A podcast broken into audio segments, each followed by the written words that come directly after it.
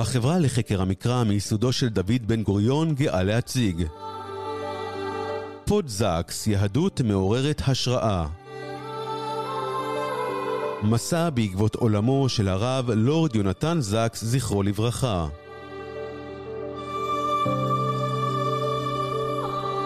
בהגשת הרב דוקטור עידו פכטר.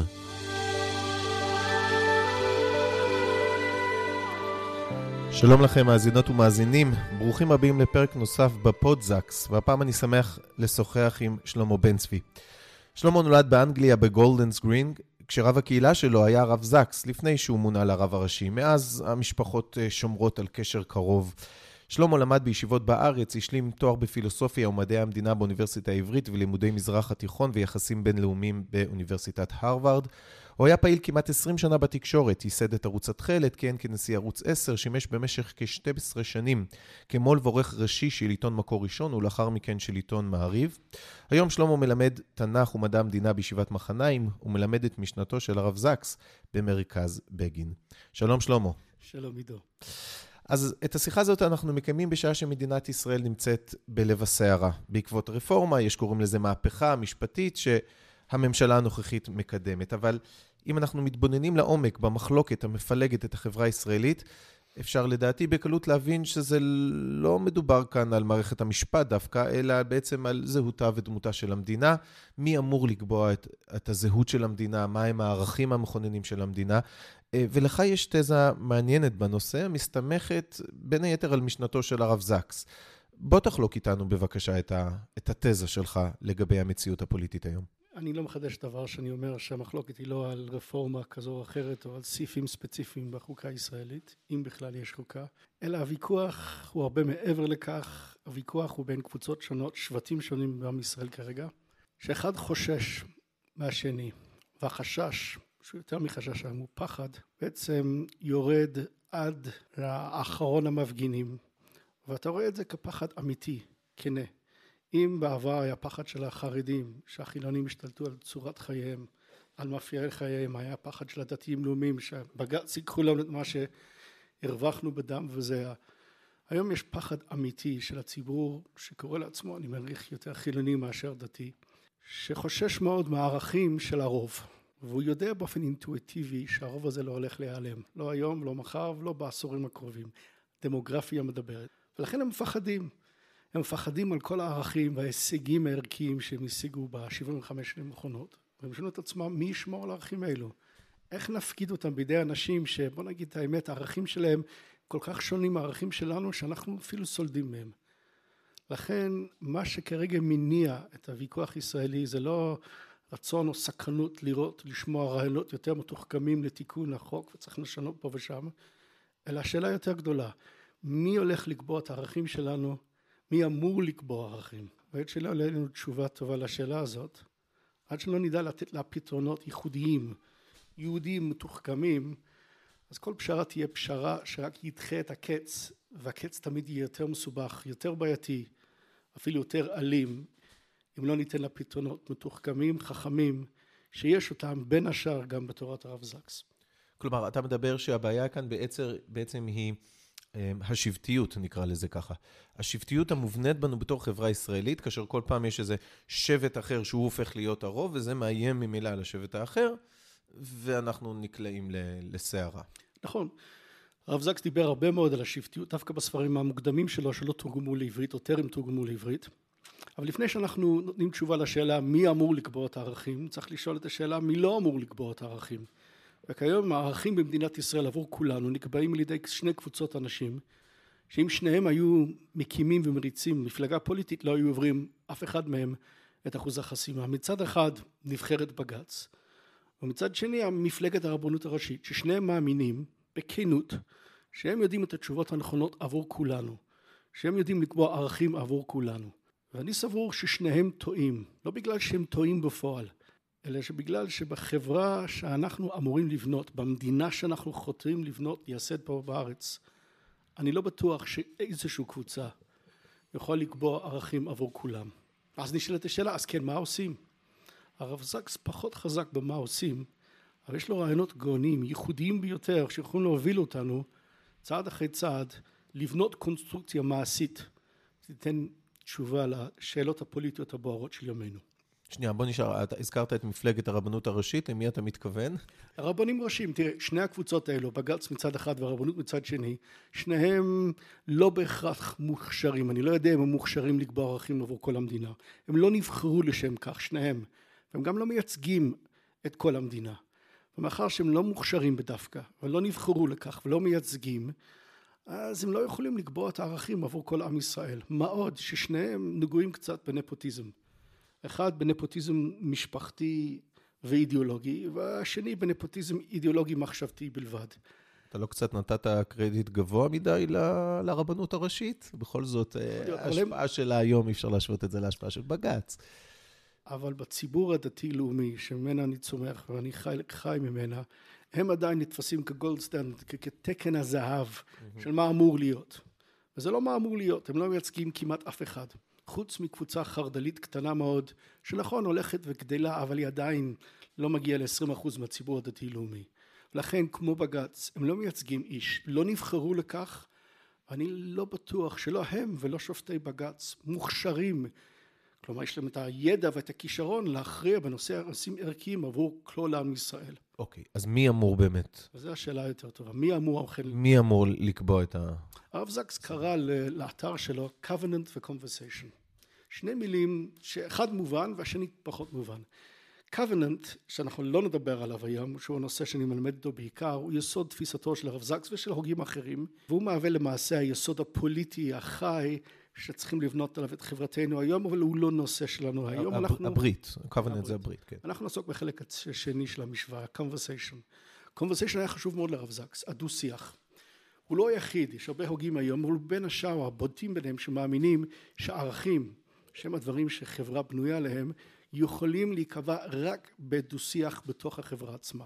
היופי הוא שאף אחד לא כופה על השני את דעותיו. הקושי הוא שזה עובד יפה מאוד ברמת ספר, או שאתה רב בחוץ לארץ, או שאתה גיא בגלות, שאתה לא חייב להתמודד עם הדבר שהרב זקס הכי סלד ממנו, פאר, כוח. הוא סלד וגם לא ידע איך לטפל בו. אין ברירה, אם אתה חי בארץ ישראל, זה ההבדל בינינו לבין הרב זקס, שבו נבהיר מראש, אני אוהב ומעריץ ומחבב את דבריו ומלמד אותם לא רק לכל תלמידיי, בעיקר לילדיי. הוא לא ידע ולא היה לה תשובה לנושא הלאומי. הוא לא ידע איך לפתור את השאלות הקשות האמיתיות שעומדות לפני עם ישראל, האומה הישראלית פה בארץ ישראל. שאין ברירה, צריך להשתמש בכוח. וכוח אומר כפייה. אחרת אף אחד לא משלם מס, אף אחד לא מתגייס לצבא. אף אחד לא יכול לקיים מדינה. איך אתה עושה את זה? הרב סקס סלד קצת מכל הנושא, ולא ברח, אבל העדיף להתעסק בצד הקהילתי, הקומיוניטי יותר, והדגיש יותר את הצד התיאורטי של ה-covenant, הצד המעשי של ה-conversation ולכן עלינו ונעשה את זה בדקות הקרובות פה לשאול בסדר אז איך לוקחים את ההגות של האדם האדיר הזה ומעבירים אותו לפסים מעשיים פה כי אין לנו את הלוקסוס הזה לשבת בגולדס גרין או בהנדון ולהגיד לכתוב ספרים אנחנו צריכים לפתור בעיות כאן ועכשיו. אז בואו באמת אה, נבהיר את הנקודה הזאת, כי הרב זקס הגישה שלו היא בעצם להפריד בין, ה, אה, בין הפוליטיקה ובין אה, הדת.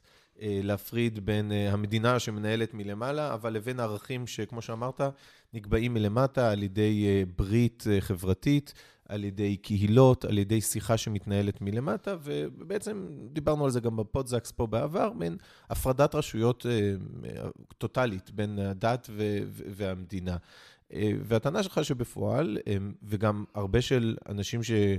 ביקרו את הנקודה הזאת אצלו, שבמדינת היהודים זה אוטופי, אבל זה לא אפשרי כל כך, כמו שאתה אומר שיש כאן ניהול של מדינה שצריכה לעשות, לחלק תקציבים, לארגן את המס, להפעיל כוח, אה, גם כלפי פנים, אה, ברור שגם אה, כלפי חוץ.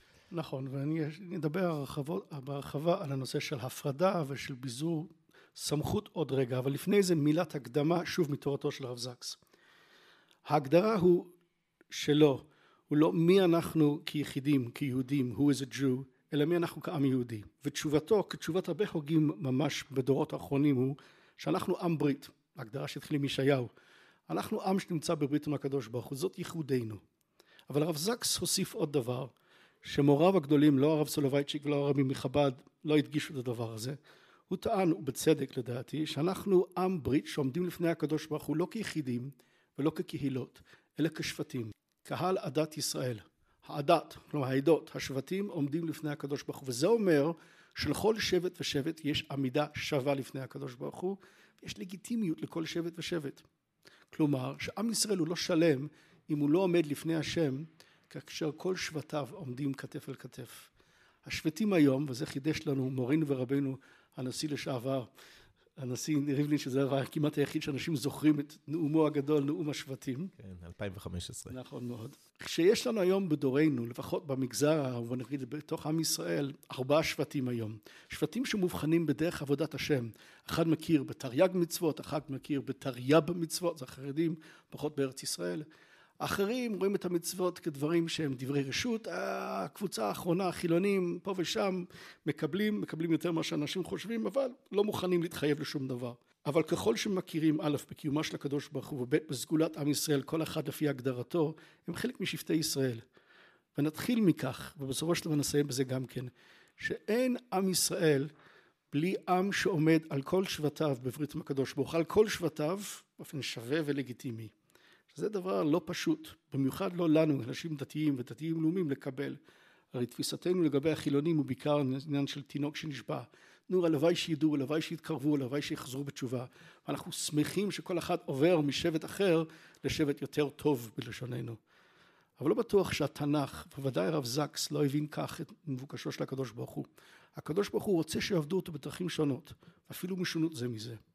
ולכן כשמקיימים ברית, וזה ברית זה ריטואל פיזי, זה לא דבר שנמצא רק בתוך ספרים, גם ספרים מלומדים וייחודיים כמו ספרו של הרב זקס, זה משהו טכני מעשי מאוד שמקיימים אותו לדעתי פעם בשבע שנים, אבל זה, כשעומדים בברית הזו עומדים כל שבטי ישראל כאחד, ורק כך אפשר להיות עם, רק כך אפשר להיות אומה ישראלית. יש כאן, יש כאן אמירה שהייתי אומר שהיא, שהיא רדיקלית, או לפחות לא מובנת מאליה, כמו שאתה הזכרת בעצמך, שחילונות זה שבט. כלומר, זה חלק מהשבטים, כלומר, יש בזה משהו אפילו לכתחילי בעמידה לפני האלוהים, בשבט המחולה. אגב, נזכיר כמובן גם את המסורתיים, ש, שהנשיא ריבלין אה, הדחיק אותם מהתמונה. אבל החילונות, אתה אומר, היא, היא, היא שבט, היא, היא בעצם עמידה לפני האלוהים? זאת, זאת הטענה? ככל שמכירים באלוהים, ולפי סקרים שנעשים כמעט כל שנה, רובם מכירים בקיומו של הקדוש ברוך הוא, ומכירים בצורה זו או אחרת בסגולת ישראל, אז צריך למצוא בסיס משותף, רוחני, לא מדבר דתי, שבו אנחנו נוכל לעמוד כולנו יחד לפני הקדוש ברוך הוא, ולקיים את העמידה הגדולה. ברגע שאנחנו עומדים לפני הקדוש ברוך הוא, מכירים אב אחד, אז ממילא אחים אנחנו. אבל זה ברמה הלאומית. והיום, בדקות שנשארו לנו בשיחה, אני רוצה לדבר דווקא על הדברים שרב זקס חזק עוד יותר בהם, קרי ברמה הקהילתית. אז נעבור לרעיון עקרוני מאוד של רב זקס, שנותן לנו מפתח להבנת מצבנו היום, ואחר כך נעבור לפתרונות מעשיים שנובעים ממנו. הרעיון שמופיע אצל הרב זקס בכמה וכמה מספריו, זה מופיע לראשונה בספר The House We Built Together, אחר כך ב-Future Tense ובמקומות אחרים, הוא שצריך להבדיל בין המדינה מצד אחד, the state, שתפקידה לאסוף ולחלק משאבים, לבין, הוא קרא לזה ה-civil society, החברה האזרחית, אנחנו נקרא לזה הלאום, the nation, כי הוא מתאים יותר, כי מה הוא נותן? הוא אומר לי מי אני, נותן לי את הזהות. והניישן בנוי למעשה מכמה שכבות, כמו שהמדינה, המדינה בנויה מאזרחים, שאחר כך ממנים רשויות, ורשויות כופות עליהם את החוק. הניישן בנוי ברמה ממשפחות, אין יחיד אצל הניישן, הקדוש ברוך הוא לא כורת ברית אף פעם עם אדם יחיד, אברהם חושב שזה מספיק שיהיה לבד, הקדוש ברוך הוא מסביר לו שגם שרה מקבלת שינוי שם באותו הזדמנות, זה חייב להיות משפחה, ואחר כך עם שבטים, קהילות בחוץ לארץ, ואחר כך על ראשם של שבטים, קהל הדת ישראל, השבטים יכולים לעבוד יחד לפני הקדוש ברוך הוא ולעבוד עם השם. אז יש לנו שני מערכות מקבילות, ממש מקבילות, מערכת אחת של מדינה, the state, שתפקידה לאסוף בעיקר כסף ולחלק מטלות, לחלק את הכסף הזה.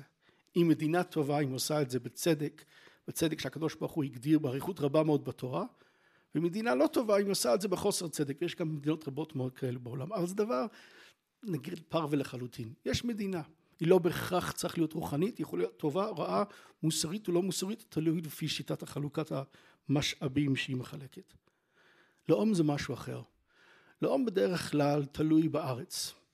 כל המדינות בעולם, כל הלאומים בעולם הם לאום בגלל שהם שייכים לטריטוריה מסוימת. יש להם שפה ועבר ונרטיב ומיתוס וכל הדברים, פלוס טריטוריה. אנחנו שונים בכך. כפי שאמרתי לפני כמה רגעים, אנחנו לא עם בגלל שיש לנו טריטוריה. 80 אחוז מקיומנו היינו מחוץ לטריטוריה הזאת. אפילו שפה אחידה אין לנו. גם תרבות וגם דת, כל אחד רואה את זה אחרת. אז מה מאחד אותנו? הקשר היחיד האינטימי מיוחד הזה עם הקדוש ברוך הוא, הברית. לכל אדם באשר הוא אדם יש יכולת להיות בברית עם הקדוש ברוך הוא, תחילת התורה. אבל הקדוש ברוך הוא בחר לו באומה אחרת, בקולקטיב אחד, אמר This is my girl. זה הקבוצת השבטים שאני רוצה להתחבר להם, הם שלי. ואני צריך אותם כדי לעזור לשאר האנושות, לראות, להיות, לראות מה זה זוגיות טובה, ככה חז"ל מגדירים את הדברים, ומתוך שהעולם רואה את הזוגיות שלנו עם הקדוש ברוך הוא, יכולים אף הם להיות לאומים בתואו. אתה נוגע כאן בנקודה עמוקה, כי אתה אומר בעצם לאום ומדינה בעצם אלו שתי מערכות שפועלות בשני מישורים שונים ומבוססות על תפיסות שונות. כלומר, אתה אומר, מבחינת המדינה צריך תורה אחת, משפט אחד, חוק אחד. מבחינת הלאום זה בנוי על שבטים, בנוי על קהילות, בנוי על אה, שוני, בנוי על מגוון. מה קורה כשמחברים אותם יחד. עכשיו, זו בדיוק הבעיה, כי, כי לפעמים המדינה דווקא יכולה אה, להזיק לתחושת, כלומר, בהפוך על הפוך בגלל הדבר הזה, כי, כי, כי המדינה כופה אחדות במקום שהזהות שלך רוצה, אה, רוצה מגוון, אה, ואולי זה גם מסביר לנו למה לאורך ההיסטוריה היהודית זכינו כל כך מעט זמן למדינה, ולמה גם היום, כשיש לנו מדינה, רבים מאוד מהעולם היהודי בוחרים לא לגור בה. והתשובה היא ש-250 השנים האחרונות, האמת הוא שמאז 1648, ווסטפליה, העולם חתרה לרעיון חדש, אבל זה בא לידי ביטוי בעיקר אחרי מלחמות נפוליאון. חיברנו יחד בכוח את הניישן והסטייט, את האומה והמדינה, ויצרנו מין כלאיים כזה שבסופו של דבר אנחנו מבינים שזה לא עובד. אולי זה עובד כאשר יש אחידות גמורה, כמעט גמורה, או שכל אחד שלא שייך לאומה רוצה להיות חלק מה melting pot. הרב זקס דיבר על זה הרבה מאוד מאחד מספרים שלו, שזה עבד בצורה מסוימת, זאת אומרת בשנות ה-20 וה-30 של המאה הקודמת, כל אחד רצה להיות אמריקאי, ואולי זה עובד, אבל זה הפסיק לעבוד. כן. והגענו לשבר גדול מאוד אחרי מלחמת העולם השנייה, ואז העולם החליט, אתה יודע מה, תעזוב את ה nation, נתמקד ב state, הכל פרווה, הכל ניטרלי, הכל סטרילי, ומי שהכתיב לו ערכים זה עורכי דין ושופטים. והרב זקס מאוד לא אהב את הרעיון הזה. הוא הבין שאם אדם אין לו חיבור למשמעות, אין לו חיבור לאומה שלו, דרך השבט שלו, אז הוא מנוכר. כבר מרקס, להבדיל, דיבר על ה-alienation, על הניכור, כדבר כל כך מסוכן, אבל הרב זקס הבין שדבר עוקר את האדם מהיכולת להיות שמח וחופשי ובעל חירות בעולם הזה, כי החירות והחופש נובעים מהתשובה, אני יודע מי אני, למה אני חותר ומה נותן לי משמעות בחיים, וזה בא מהאומה, מהשבט, מהקהילה ומהמשפחה, פחות מהמדינה. למדינה אני 015, ככה אני צריך להיות גם כן. אני מספר כמו כולם. המדינה עיוורת לחלוטין למגדר, לדת, לא מעניין את המדינה ולא צריך לעניין את המדינה. צדק, חוקה אחת יהיה לכם. אז האומה אתה, כן מתעניינת אתה מאוד. אתה טוען שזה בעצם אולי גם הכשל שהיה במדינת ישראל, במלטינג פוט, כשרצה לעשות דוד בן גוריון, ולמחיקת הזהויות וכן הלאה. זה בעצם מה שעבר עלינו, זה הסיפור שלנו. דוד בן גוריון לא היה לו הרבה מאוד ברירות, הוא גדל בתרבות מסוימת, הוא היה צריך להקים מדינה, זה היה הצורך להישרדות. אנחנו עכשיו אחרי הצורך בהישרדות, עברנו את זה כבר. עכשיו אנחנו בשלב של מה יש לנו ואיך אנחנו פותרים את האתגרים הגדולים של עם ישראל שעומדים לפנינו, של עם ישראל. כי הישרדות בלבד זה לא הסיבה שהקדוש ברוך הוא מביא אותנו לארץ ישראל, הוא מצריך, הוא צריך עם, עם חי, בועט, דינמי ומוביל, כדי ששאר האנושות, שהם גם בנף של הקדוש ברוך הוא, ידע מה לעשות, כאומות. ולא רק כיחידים. אז איך עושים את זה? אז בואו בוא נתקדם. אז איך עושים, איך, איך פותרים את ה... אז עכשיו נעבור ממחשבתו התיאורטית של הרב זקס לדברים מעשיים. בעצם, אם אתה קורא, קורא את הרעיון, שהוא לא רק של הרב זקס, אבל הוא כתב את זה בצורה שאין שני לו בעברית ובאנגלית, שיש עכשיו שני מערכות, מדינה מצד אחד ואומה מצד שני, שוויון מול זהות, איך אתה נותן לזה ביטוי פוליטי קוהרנטי, דבר שגם יכול לעבוד בשטח? והתשובה היא, וזו תשובה שהעולם המודרני כבר יודע אותו מאות שנים, כשיש לך מבנים פוליטיים אתה בונה עליהם נציגויות, אתה בונה עליהם בתים שמייצגים את הרעיון הזה. כלומר צריך שני בתים בישראל, צריך בית אחד שייצג אותנו כאזרחים ויש לנו אותו, הכנסת, לדעתי ולדעת הרבה אנשים זה צריך לבוא מזמן לבחירות אזוריות ולייצג את האזרח פרופר ולא רעיונות מפלגתיים. ואנחנו גם צריכים להקים בית שני והדבר הזה שאני מדבר עליו כבר שנים פעם נתפס כדבר הזוי לחלוטין היום זה דבר שכל אחד מדבר עליו, צריך בית שני, צריך בית שמייצג דבר שהכנסת לא מייצגת. הכנסת מייצגת מדינת ישראל על כל אזרחיה, ואני בעד מדינה של כל אזרחיה ממש. אבל כן, מדינת ישראל ועם ישראל זה לא אותו דבר. חצי מעם ישראל לא חי פה, 25 אחוז במדינת ישראל הם לא שייכים לאומה ישראלית, לאומה יהודית. ולכן צריך בית שייצג גם את הדבר הזה. מה כל אחד מייצר? הכנסת מייצר חלוקת משאבים, כמו הקונגרס האמריקאי. מה עושה הבית העליון? אז רגע אחד נראה את המודל האמריקאי שהרב סאקס כל כך אהב והריץ. ארה"ב כשהסתבכו עם הדבר הזה גם כן ב-1789 העלו להם את הרעיון של הפשרה הפילדלפית. הפשרה הפילדלפית אמרה אנחנו נקים עוד בית, הסנאט, אבל נייצג שם לא את האזרחים באופן שווה. ניתן לכל הזהויות האמריקאיות השונות. ויסקונסין עדיין לא הייתה שבט, הייתה, לא הייתה שבט, לא הייתה state, אבל לדוגמה, אני יודע מה, היה ניו איילנד, היה רוד איילנד, לדוגמה וירג'יניה, אחד גדול ואחד קטן, והם קיבלו ייצוג שווה בסנאט. כן. למה? איפה ההיגיון? התשובה היה כי יש להם תרבות משלהם, יש להם דרך, לא עבודת השם, אבל עבודת המדינה האחרת משלהם, לך תדע מה יש להם. אבל אנשים הרגישו שזה חשוב לי, שאני גם חי, אני גם איש רוד איילנד, ואני גם איש של וירג'יניה. ולכן הגאונות אז הייתה להקים, ודעתי הגאונות זה כבר מופיע אצל משה רבנו בתנ"ך, אבל השבטים גדנים, קטנים וגדולים יחד, צריך להקים לעצמם בית, אבל בית שווה. כלומר לא בית שאומר שמע אנחנו נספור את החרדים, נספור את החילונים, נספור את הדתיים, כי אז אף אחד לא יסכים לכלום. הגאונות שלהם כן. זה להקים בית שיהיה ייצוג שווה לכל שבטי ישראל כפי שהגדלנו אותם לפני כמה רגעים. בית האומה. כן. ואני רוצה להעלות על זה שתי שאלות. דבר אחד, שאם תתחיל עניין של ייצוג שווה, תמיד יהיה מישהו שירגיש את עצמו בחוץ, כי אף פעם כמות הזהויות ו... ש... שמתפרטות והולכות בעולם שלנו היא בעצם כמעט בלתי נגמרת, וכל אחד יוצר לעצמו איזו זהות מובחנת, ואז יהיה מישהו תמיד שיהיה בחוץ. אבל דבר שני, וזה יותר חשוב, שאני רוצה שתדבר על זה, מה הבית הזה עושה? הוא קם בבוקר, מה הוא עושה? אנחנו נשמור על החלוקה שהרב זקס דיבר עליו. הכנסת אוספת, מחלקת משאבים, כמו הקונגרס. ברור. בית האומה תפקידה ליצור, לפרשן ולעדן כל הזמן את הערכים שלנו. השאלות הלאומיות הגדולות של עם ישראל, ויש הרבה שאלות כאלה, שהיום אני לא יודע למה נופלות, אני יודע למה, אבל אני לא מבין מדוע בג"ץ מכריע בהם, הם צריכים להיות הכרעה שנובע מתוך דיון בין שבטי והכרעה. כלומר, הבית העליון או הבית האומה, אני לא אוהב עליון תחתון, אחד זה בית האומה, השני זה בית הכנסת, הבית האומה שצריכים לבחור אליה, צריך להבין, אין דבר כזה בלי ייצוגות. אנחנו דמוקרטים, ליברלים לחלוטין. אנחנו מאמינים שכל אדם באשר הוא יודע, בוחר בעצמו לאיזה שבט הוא שייך. אתה יכול לעבור שבטים אם אתה רוצה, זה לא נורא. אבל בהנחה, וכל הזמן זה הסוקרים שואלים, אנשים יודעים בדיוק לאיזה שבט הם שייכים, אדם נכנס לקלפי, יש ארבעה צבעים, לפי הצבע הוא יודע לאיזה שבט, בתוך השבט שלו יש כל מיני, יש לייטים בנט ויש בצללים כאלו, ואתה בוחר לאיזה צד אתה הולך. אבל רגע שבחרת, השבט שלך לא יכול לקבל יותר מאשר אם יש ארבעה שבטים, רבע מהנציגות. ואז כל אחד מהנציגים משוחרר, חופשי לעשות מה שהוא רוצה. הדיון שמקיים בפנים הוא דיון נכון.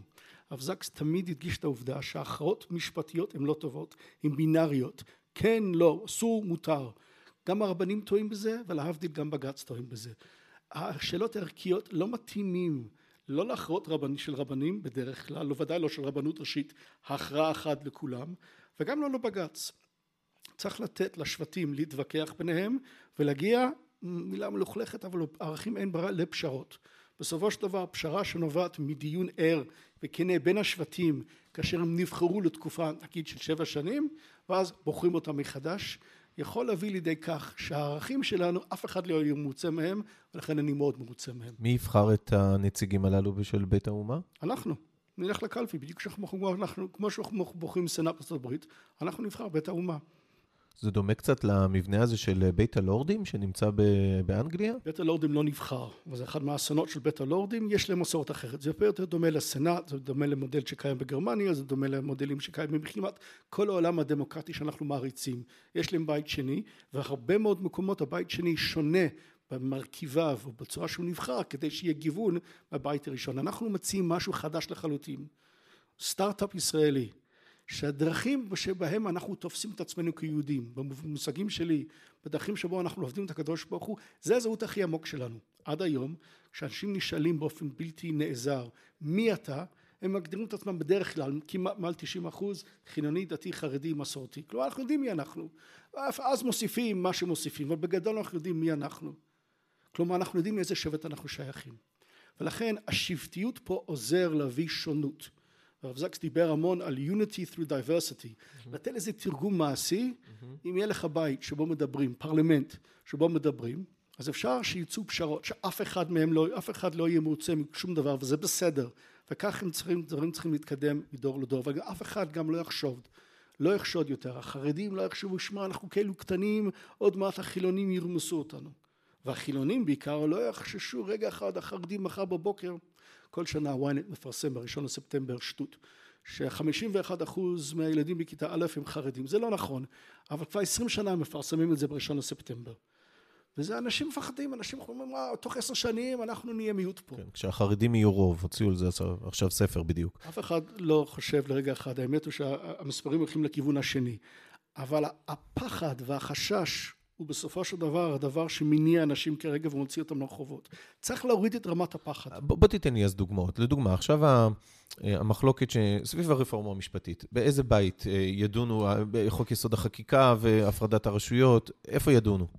במקום לתת תשובה תשובה ישירה, אני אעשה מה שהרב זקס עשה, אני אעקוף ואגיד מה שאני רוצה להגיד. כמו פוליטיקאי, זה לא צריך להגיד הרב זקס. זה לא מספיק לחלק בין הרשויות השונות. רשות בכלל זה דבר שניטל ממישהו, אנחנו מכירים את זה ברשות הציבור חזן, ולכן אין רשויות שאינן נבחרות. לכן הצעתי שתהיה רשות מחוקקת, קרי הכנסת, נפריד אותה מרשות המבצעת הממשלה, כדי שלא יהיה פחד שהממשלה תכפה את עצמה לכנסת, ונקים רשות שלישית, זאת בית האומה, רשות המכוננת, שיעסוק בערכים, בחוקה ובשאלות הלאומיות אחרות. אפשר גם להכליל בתנאים מאוד מאוד ספציפיים, יהודים מחוץ לארץ גם, שיבחרו גם לבית הזה בית האומה. אבל, זה רק ברישור הלאומי, ואני מגיע לשאלתך עכשיו. חלק גדול מהשאלות הערכיות שמפריעות היום לציבור הן כבר לא לאומיות. הנושאים הפלסטינאים, הישראלים, יש"ע וכולי, הם קיימים, אבל הם היום יותר קטנות. מה שמפריע לרוב המפגינים כרגע לדעתי, הם שאלות של הסטטוס האישי. רגע אחד, מה יקרה עם כל הניצחונות שניצחנו בתחום המגדרי, בתחום השוויון בין המינים ובתחום הסטטוס האישי שלי של שבת וחגים שלי לעומת שלהם. כאן הפחד. הרב זקס דיבר הרבה מאוד על הצורך בכל חברה בריאה להוריד את רמת הפחד. כאן הבית האומה לא יספיק לנו כי בית האומה עוסק בשאלות הגדולות האם להחזיר את ירושלים לא להחזיר את ירושלים האם יהיה מתווה בכותל או לא יהיה מתווה בכותל לא הגיוני הדבר הזה שאחמד טיבי יהיה לו יד ורגל בהכרעה אם יהיה מתווה רפורמים לכותל או לא. אבל עם ישראל וכל שבטיו שאלה לגיטימית שנדון בה ונכריע בה. וההכרעות הן תמיד דברים שאפשר לשנות אותם. אבל איפה השאלות שהיום כואבות לאנשים? איפה נידון בהם? וכאן צריך לעבור עוד שלב וכאן מגיע בעיקר תרומתו של הרב זקס תרומת הקהילה. במדינת ישראל יודעים שיש שלטון מחלקים אותו לרשויות. שוכחים שיש עוד מישור שלטוני השלטון המקומי שבשאר העולם הליברל דמוקרטי תופס יותר ויותר תאוצה. שם נקבעים ערכים שהכי הכי חשובים לנו, הסטטוס האישי. והרעיון שרב זקס מדבר עליו, ושאני רוצה לתת לו ביטוי מעשי, זה להדגיש את הביזור, את הדיסנטרליזציה, ביזור. זה שוב מאוד מוזר שבעברית יש מילה יותר טובה מאשר באנגלית. ביזור לעומת דיסנטרליזציה, בסדר. את הביזור של הסמכויות אנחנו צריכים קודם כל לקחת, לדרוש ולקחת כוחות, סמכויות מהשלטון המקומי, מבג"ץ מצד אחד אבל בעיקר מהרבנות הראשית ולהחזיר אותם לרמת הקהילה בתנאי שהקהילה תהיה מוכנה ותבנות לעצמה כלים שאנשים שיהיו מוכנים לקחת אחריות על הנושאים ברמת הקהילה. ואז את הסטטוס האישי יקבע כל קהילה לעצמו גיטין, נישואין, אולי גם גיור, אבל גיור זה נושא קוואזי לאומי. אתה לא מפחד מספר יוחסין, מה שאומרים, שאלו לא יתחתנו עם אלו ואלו לא יסמכו על, ה, על הנישואים או על הגירושין של הצד השני. לא. יש את זה כבר, זה לא מפריע לאף אחד, בין כה וכה אין הרבה מאוד חתונות בין חילונים למשפחות בלז, ויז'ניץ לא מתחתן עם בלז, אז מה, מה רוצים רשימות שלי? שלא יתחתנו. מי שרוצה להתחתן יעשה בירור. מזה אני לא חושש. אני חושש מהעובדה שאנשים מרגישים שהולכים לכפות... ואם יהיו גירושין וקידושין רפורמיים? אז שיהיו. אנשים ייקחו את הסיכון, שלא יתחתנו בקידושים כדת משה וישראל. יש פתרונות לדברים האלו. חשוב יותר המעורבות, חשוב יותר האכפתיות, כי מביא, זה מביא בסופו של דבר לערבות ההדדית. ועל זה אפשר לבנות מדינה, לא על כפייה מלמעלה, אלא על לקיחת אחריות מלמטה. יפה, כלומר, השארת את הכנסת כמעט בלי כלום. את כל הנושא הערכי לקחת לבית האומה, את הסמכויות אתה מוריד לשלטון המקומי. עכשיו לקונגרס האמריקאי, שהוא עדיין הבית החזק ביותר, זה כסף. כסף זה מה שמעניין בסופו של דבר חלק גדול מהאנשים שנכנסים לפוליטיקה, זה מעניין את הלובייסטים. כל הכסף, כל נושא הכסף בכנסת. חלוקה שוויונית של המשאבים. זה המון. אתה יודע, מה שאתה אמרת על בית האומה, אני כבר הרבה זמן סוחב את הדבר הזה. אמרתי בעצם, אולי זה תפקיד של אה, מוסד נשיאות המדינה. נשיא המדינה, ש, שבאמת התפקיד שלו מועמד בסימן שאלה בשנים האחרונות, אולי זה היה צריך להיות המקום הזה, זה, כי, כי זה ישות ממלכתית, ואם הוא היה מכנס את, המקומו, את הנציגים הללו מכל, ה, מכל החלקי השבטים ומנהלים שיחות ערכיות על הדברים הללו, אולי הוא היה באמת מצדיק את המקום הזה, את הבית הזה, כמקום שהוא, אה, מקום שהוא ממלכתי. אולי, אם אז, אם זה היה משהו אחר, אבל היום זה סתם מיותר לחלוטין, ואפשר להחליף את בית הנשיא ברשות הממשלה ולהפריד אותו מהכנסת, וזה הרבה יותר יעיל. למדנו, בעיקר למדנו מסוף התנ"ך. שזה לא עובד מלמעלה, נשיא, מלך, אפילו נביא, זה לא עובד. שניסו לאורך התנ"ך לכרות ברית עם הקדוש ברוך הוא, כאשר מי שכרת ברית, זה אפילו היה דוד המלך, או אפילו שמואל, ואין דמויות גדולות מהם, זה לא צלח, זה לא שרד יותר מאשר דור. התנ"ך נסגר בספר עזרא, יותר נכון בספר נחמיה, כשעם ישראל, בלי רבנים, בלי נביאים, אנשים אנונימיים לחלוטין, עמדו וכרתו ברית עם הקדוש ברוך הוא. כלומר, זה בא מלמטה, we the people. כשאנחנו לוקחים אחריות, זה קורה, זה אמיתי, מייסדים בית אמיתי. כשזה קורה מלמעלה, בסופו של דבר זה כפייה. יפה. אז אני, אה, כאן אולי ניקח אותך למישור האישי. איך אתה פועל היום כדי לקדם את זה, או מה הדרך שהנה, אנחנו עכשיו יוצאים מהשידור הזה ומתחילים לקדם את הפרויקט הזה? זה נושא שאני עוסק בו הרבה שנים. וכמדומני שאני חושב שבשנים הקרובות, לא בטוח שיהיה עוד פעם בחירות, ואם יהיו בחירות בוודאי צריך לחתור להקים גוף שידרוש משאל עם לש... לשינוי שיטה החוקתית שלנו. אבל כל עוד שאין לנו בחירות ממש קריבות אני חושב שבחירות חשובות לא פחות שיש לנו בחודשים הקרובים זה בחירות השלטון המקומי. ושם יש לנו משטר שכבר היום יש להם הרבה כוח כבר היום בוחרים את הרשות המבצעת כי את ראש העיר בנפרד מהרשות ה... מחוקקת את המועצה. מה שחסר ברמה המקומית זה אותו אסיפת קהילות. אותה ייצוג ממש דומה לבית האומה שתהיה גם כן בקהילה.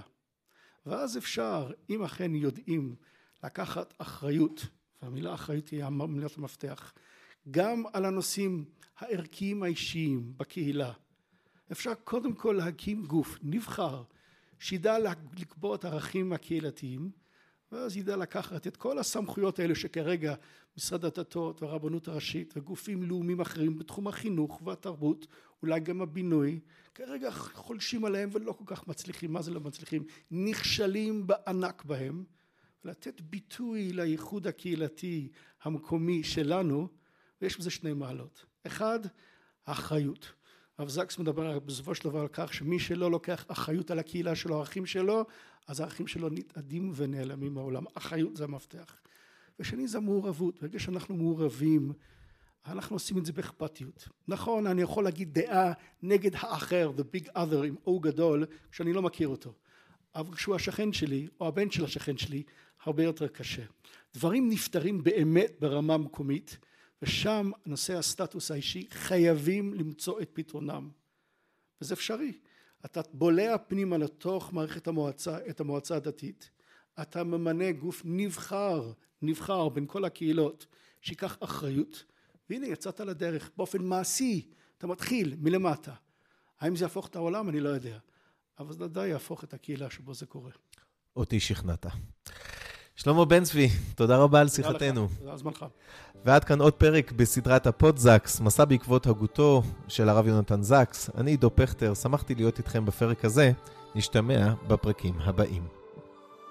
האזנתם לפודקאסט פודזקס, מסע בעקבות עולמו של הרב לורד יונתן זקס, זכרו לברכה, בהגשת הרב דוקטור עידו פכטר. החברה לחקר המקרא מיסודו של דוד בן גוריון מבקשת את תשומת לבכם לתרומה להמשך פעילות העמותה. לפרטים היכנסו לאתר www.המקרא.org